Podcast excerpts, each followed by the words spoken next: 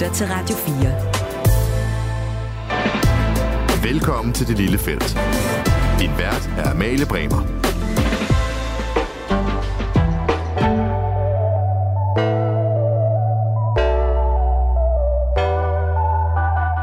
En brødbetynget fodboldstjerne i skræddersyet jakkesæt foran Københavns byret. Endnu en øh, i meget store citationstegn dum sag. Oftest noget med biler, taxaer gerne, eller Porsche. En karriere, der skal tilbage på sporet på den anden side. Men så en ny celeber dame, måske spritkørsel, betting under bukser, og så starter vi forfra igen. Så er vi desværre mange, som efterhånden kigger tilbage på den mand, som skulle være blevet den største danske fodboldangriber nogensinde. I hvert fald siden Præmælkær. Det er selvfølgelig Niklas Bender, jeg taler om evigt aktuel, og nu altså i forbindelse med en ny dokumentarserie i tre afsnit. Men hvorfor skal vi stadigvæk høre fra Niklas Bender, som altså er dømt voldsmand i dag? Er hans historie ikke fortalt, og skal vi helt almindeligt dødelige have ondt af en fyr, der havde alt, men gang på gang gjorde sig umage for at losse det hele ud af vinduet? De spørgsmål og mange flere stiller jeg til instruktøren bag serien prisvindende dokumentarist Andreas Kofod. Og du er med mig i studiet lige nu. Andreas, velkommen til. Tusind tak. Mit navn det er Amalie Bremer. Det her det er Det Lille Felt. Hjertelig velkommen til.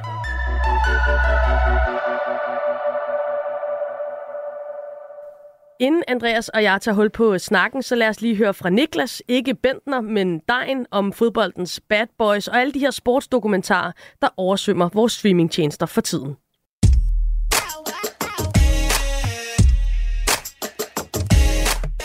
Dokumentaren om Niklas Bentner, der simpelthen bare har fået titlen Bentner, udkom i mandags på streamingtjenesten Viaplay. Udover den tidligere landsholdsangriber, så medvirker Ståle Solbakken, der blev Bentners sidste træner i FCK-tiden, Arsene Wenger, der blev Bentners første seniortræner i Arsenal, samt store danske fodboldnavne som Morten Olsen og Daniel Akker.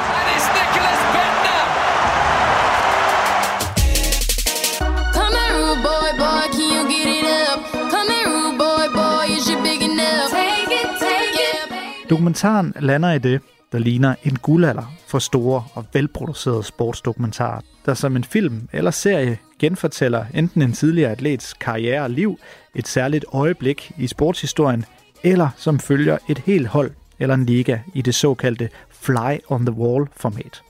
Of course I'm going to defend you until the last day in our lives in the press conference. But here I'm going to tell you the truth. I de seneste år er de mest populære dokumentarer The Last Dance om Michael Jordan og Chicago Bulls storhold i NBA, Beckham om, ja, David Beckham, Breakpoint, der følger tennisscenen, Drive to Survive, der er fluen på væggen i Formel 1, og så videre, og så videre. Jamen, jeg kan også nævne Welcome to Wrexham, Sunderland til at Die, Rooney, Sir Alex Ferguson og hele Amazons All or Nothing-serie, der hver sæson følger et nyt sportshold, hvor Arsenal, Tottenham og en række NFL-hold har stået for skud. Og Nå ja. It all started with a social media post back in October 2019, which quickly went viral. Der var jo også Disneys The Agatha Christie documentary, der simpelthen handler om fighten mellem Colleen Rooney og Rebecca Vardy, der er gift med de engelske angriber Wayne Rooney og Jamie Vardy, og som har beskyldt hinanden for at lægge private historier og for at lyve i en af de mest celebre skandalehistorier i britiske tabloidhistorier de seneste år. Now it was the feud that took the country and the world by storm, Rebecca Vardy versus Colleen Rooney. Vel, teknisk set også en sportsdokumentar. In what began with a bombshell tweet, it sparked one of the biggest tabloid scandals in recent years and ended with a high court battle. Alle er de udkommet inden for de seneste fem år og lægger sig i rækken af nogle af historiens største sportsdokumentarer, som Senna om den brasilianske Formel 1-kører og Maradona om den argentinske fodboldmagiker. Fælles for dokumentarer om Senna, Maradona og nu også Bentner er, at de er instrueret af anerkendte dokumentarinstruktører, der ikke traditionelt har haft sport som arbejdsområde. Senna og Maradona er instrueret af Asif Kapadia, der har vundet en Oscar for sin portrættering af sangerinden Amy Winehouse. Mens Bentner er instrueret af Andreas Kofod, der har vundet priser og anerkendelse for dokumentar om alt fra asylbørns dagligdag og til kunstmysterier.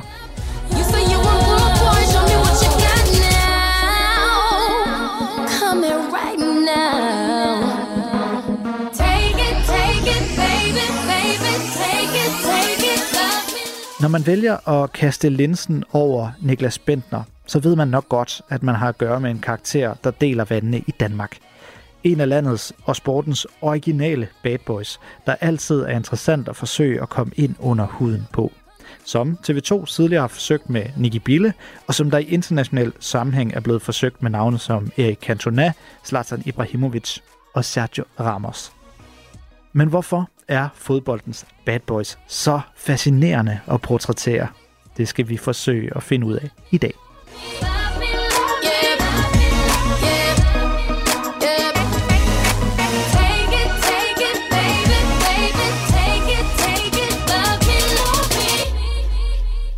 Ja, Rude Boy med Rihanna her. Han er kæk nok. Øh, vores kære producer, Andreas Kofod. Ordentlig goddag, du sidder og så smiler. Øh, det er jeg glad for, den slet skjulte henvisning der til, øh, til ja, dit subjekt i den nye dokumentar Bender, som altså ligger i, tre afsnit på Viaplay. Øh, som nævnt, instruktør øh, om, om en række dokumentarfilm om alt muligt andet en øh, sport ballroom danser, måske lidt inde på, på det her felt, øh, det kan vi komme tilbage til, øh, men nu altså i sportens verden helt og holdent med den her nye serie. Hvorfor tiltræk det dig? Altså, jeg har altid været virkelig glad for fodbold. Øh, både at se fodbold og at spille det selv. Øh, det har fyldt øh, rigtig meget i min opvækst, øh, og jeg bruger rigtig mange aftener på at se alle mulige kampe, og efterhånden er det jo nærmest hver dag, ja. at der er en spændende kamp. Hvorfor det? Ja, øh, senest i går med FCK og, og Manchester City. Øhm, jeg synes, altså Niklas Bender er spændende, øhm, og det har jeg synes siden han kom frem, og jeg har altid fulgt ham, og jeg har altid håbet øh, og ønsket ham det bedste.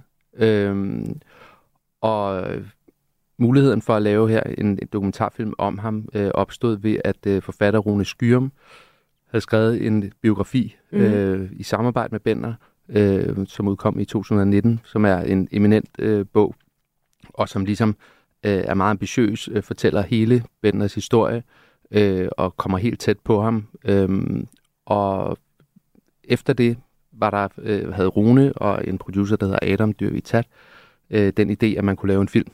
Øh, og lige på det tidspunkt, der stod øh, Bender over for et muligt comeback. Han var ret uklar med Rosenborg efter den her taxa-affære, hvor han øh, havde fået en voldsdom for at have slået en taxachauffør. Øh, Rosenborg ønskede ikke længere at bruge ham, øh, så han stod uden klub.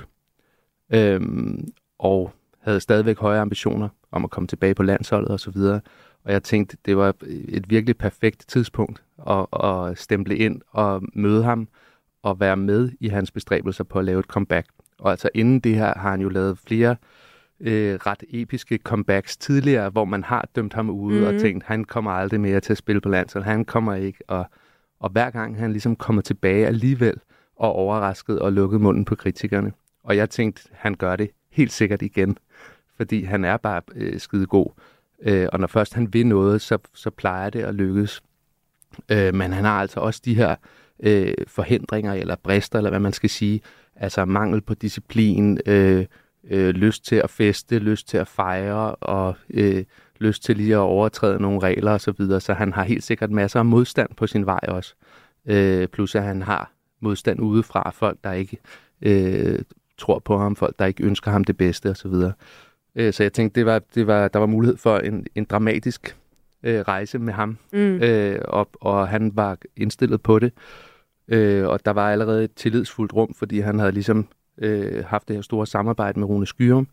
Øh, og så på den måde kunne man ligesom gå direkte ind, hvor normalt, når du laver en dokumentarfilm, skal du ligesom tune dig ind på, øh, på hovedkarakteren og omvendt. Han skal tune ind på dig, og du skal opbygge den her tillid, som gør, at du kan lave noget, der, der er ægte og sandt.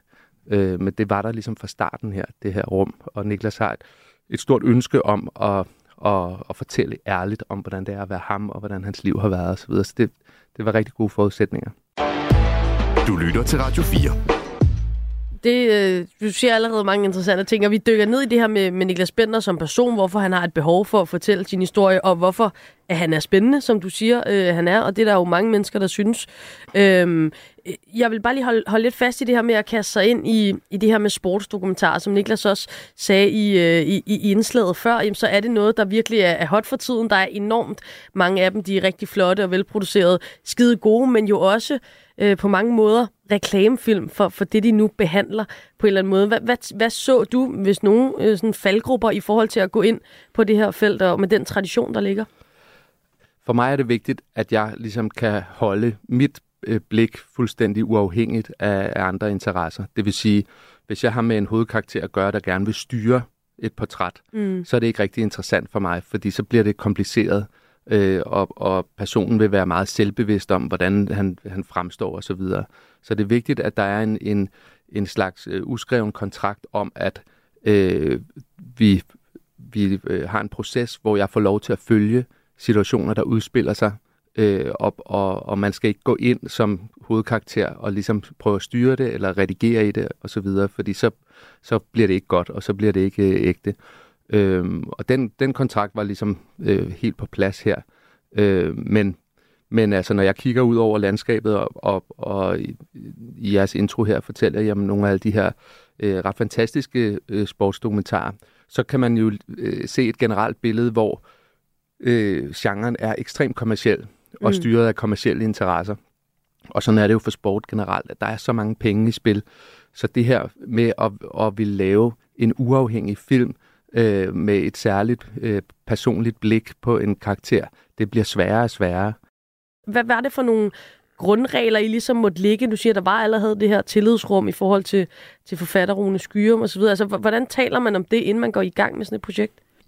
vi holdt et møde, øh, både med Rune og Adam der, og, og med Niklas, øh, og hvor vi talte om ligesom forudsætningerne, og, og hvor de her ting ligesom blev lagt frem. Det handler om, altså Niklas havde selv et ønske om, at det skulle være så ærligt som muligt, øh, og, og det havde, sådan havde jeg det jo også fuldstændig, øh, og jeg vil gerne bare være til stede. Altså det, jeg, jeg synes er det fedeste ved dokumentarfilm, det er, når man er til stede og fanger de ægte momenter så stærkt og så smukt som muligt. Du sagde selv, at, at Niklas Bender er en, er en spændende karakter, øh, og, og det er jeg jo til dels enig i. Samtidig så er der også noget inde i mig, der siger, øh, der er så mange af de her øh, Øh, typer i, i sport generelt, og i fodbold især måske, som, som vi bliver ved med at og ligesom vi elsker jo de store stjerner, og de kan også være hårde ved os, fordi de jogger i spinaten, og, og det der er endnu værre. Ikke? Øh, så, så hvad er det ved Niklas Bender, som ligesom bliver ved. Han er jo den her korkprop, der kommer tilbage, og så måske ikke alligevel, og, og han dummer sig også, og han gør også mere end at dumme sig igen. Han er, han er dømt for vold. Øhm, hvad, hvad er der med ham? For jeg, jeg, jeg ved ikke, hvordan jeg skal krabbe mig frem til det. Hvad, hvad fanden er der med ham? Jamen, jeg, jeg har tænkt meget over det, øh, fordi jeg også har selv, altså stillet mig selv spørgsmålet. Er, er, det, er det vigtigt at bruge øh, x antal år på at følge øh, lige netop det her menneske, og ikke alle mulige andre? Øh, jeg tror, det der taler til rigtig mange, det er, at han har en kombination af at have et meget stort talent, øh, virkelig store forudsætninger for at drive det langt, og nærmest sådan lidt overmenneskelige øh, Øh, evner i forhold til, at han kan hoppe meget højt, han kan hætte virkelig godt, han kan løbe hurtigt, han er teknisk, selvom han er meget stor, og så videre. Øh, det overmenneskelige har han på den ene side, øh, og talentet, og så på den anden side har han noget utroligt menneskeligt. Altså, han begår virkelig mange fejl og han er virkelig en drengerøv, og han altså øh, træder virkelig ved siden af og ødelægger det for sig selv.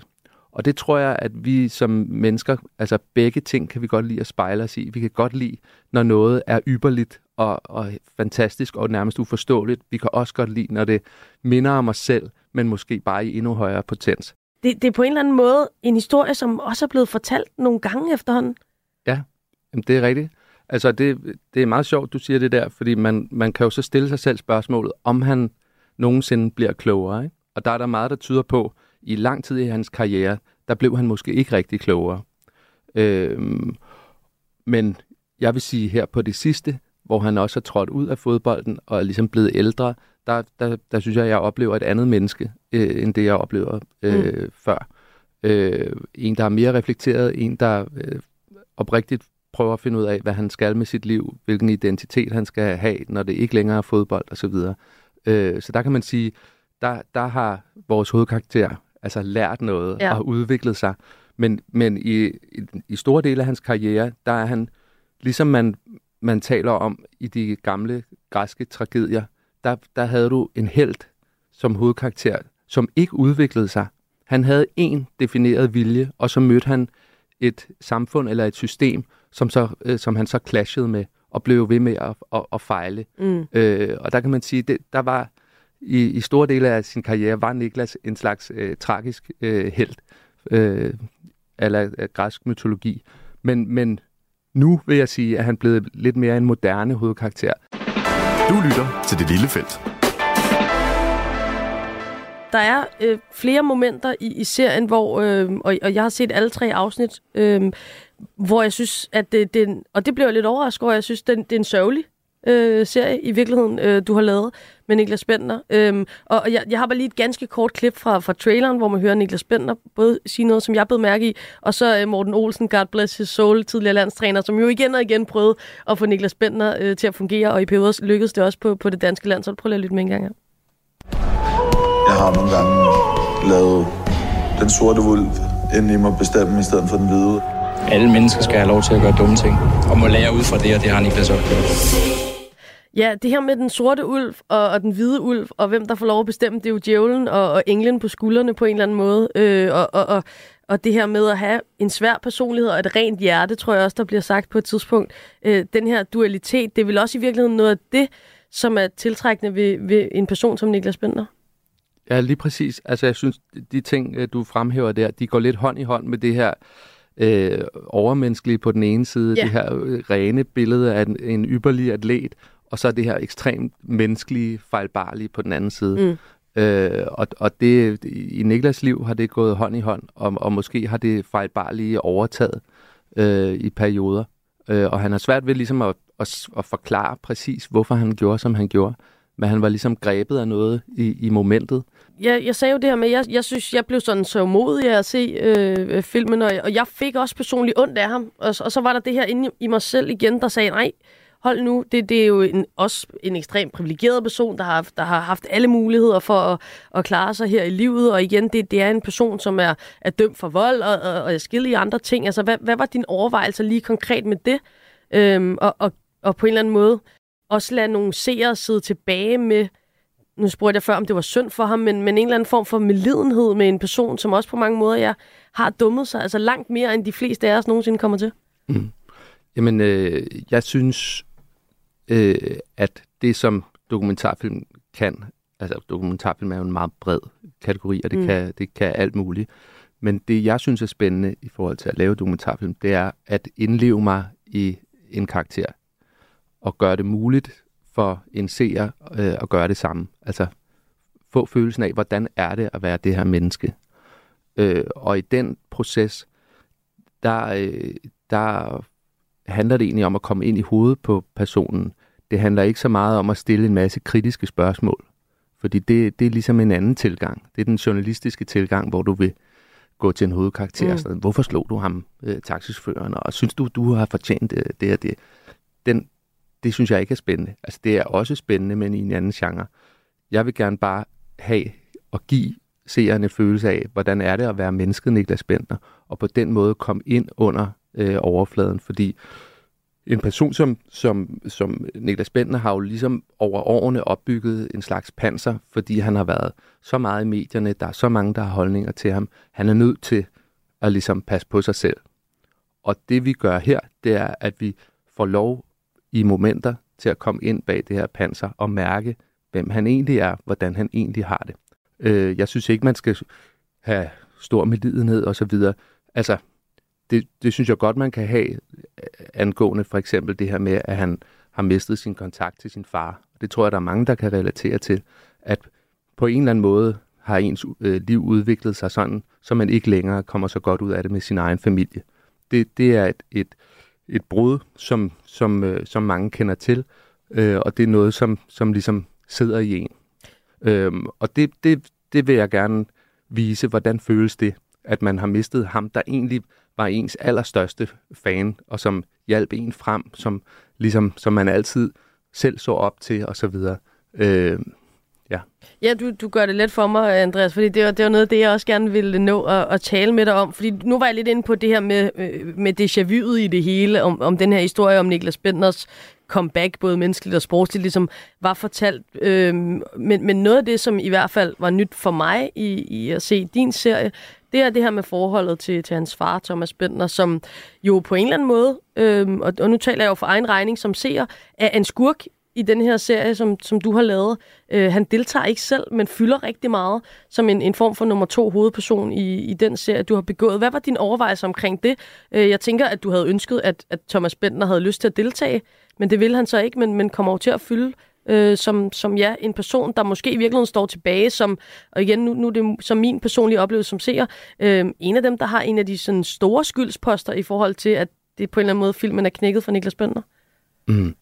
Jamen, øh, det har jeg overvejet rigtig meget. Øh, jeg rakte ud til Thomas Bender og har også øh, snakket med ham øh, over en periode øh, og spurgt, om han kunne tænke sig at være med.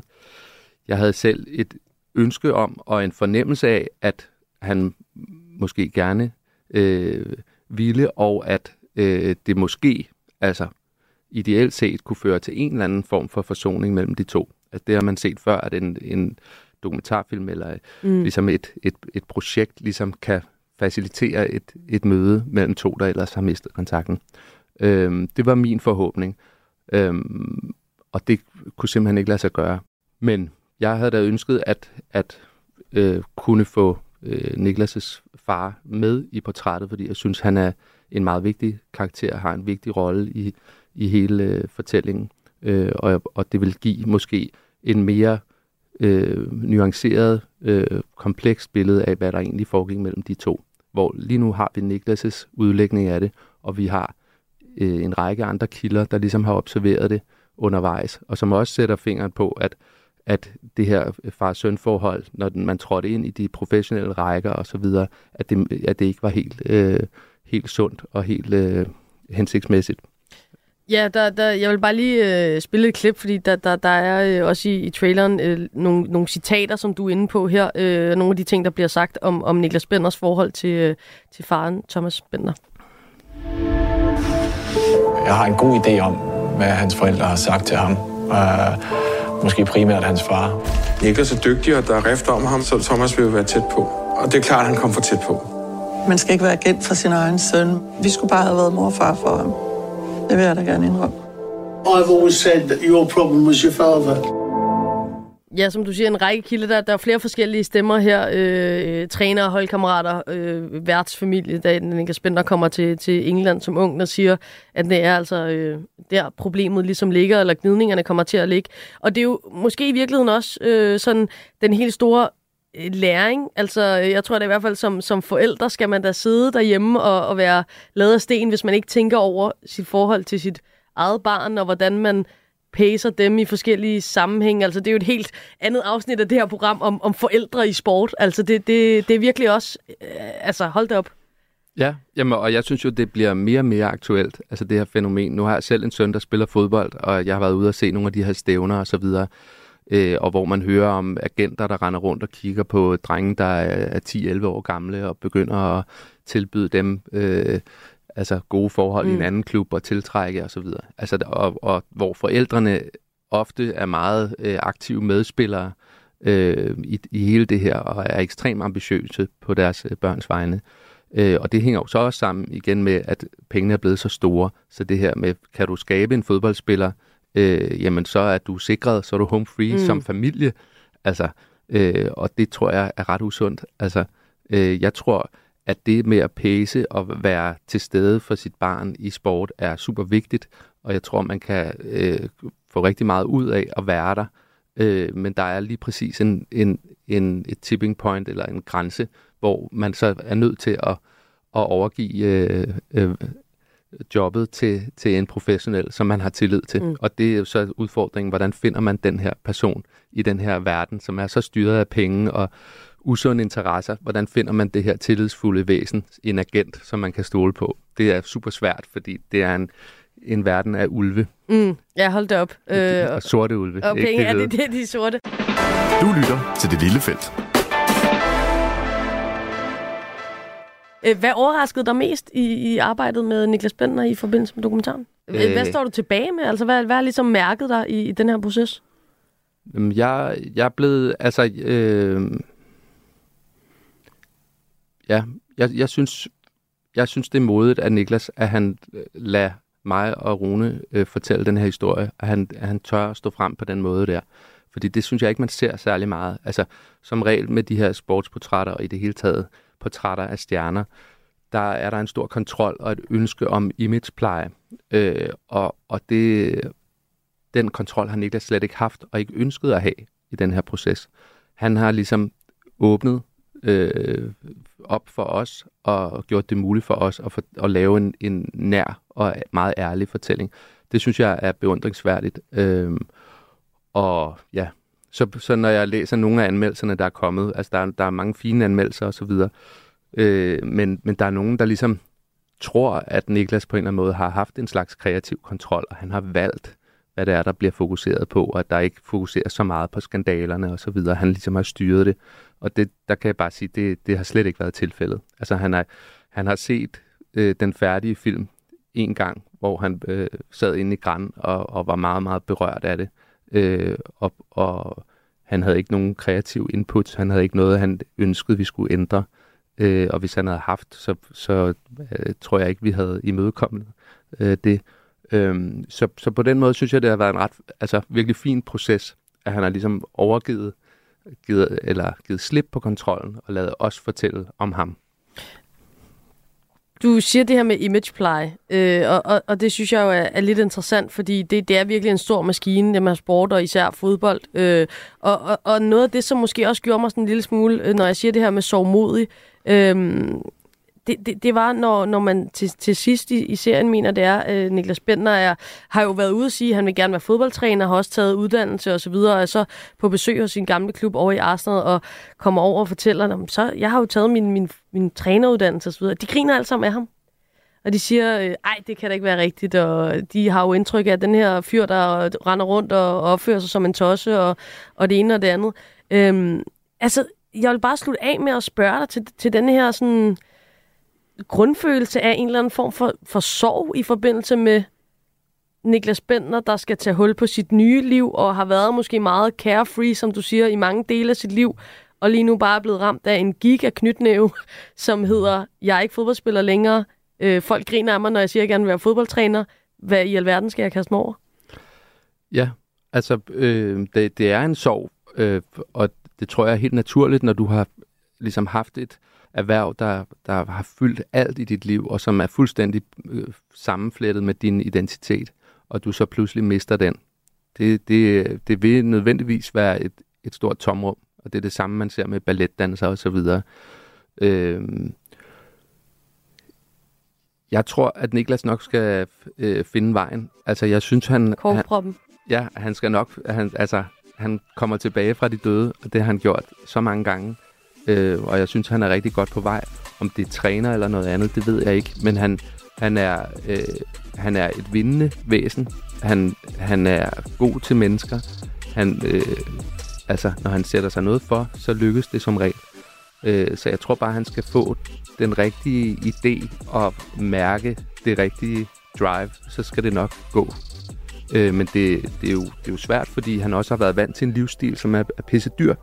Så hvordan holder man ligesom fast i den øh, livsstil, eller hvordan omstiller man sig til lige pludselig bare at skulle være økonomisk øh, bevidst og alle de der ting.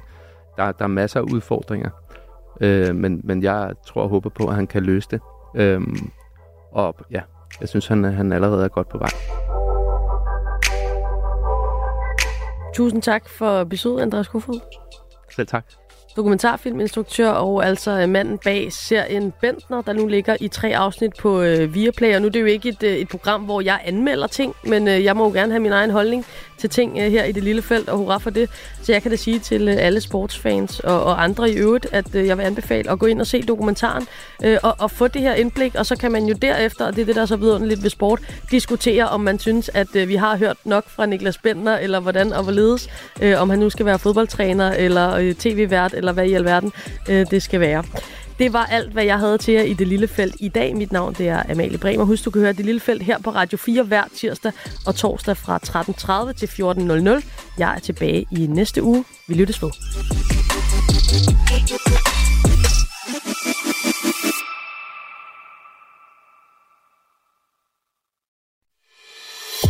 Du har lyttet til en podcast fra Radio 4. Find flere episoder i vores app, eller der, hvor du lytter til podcast.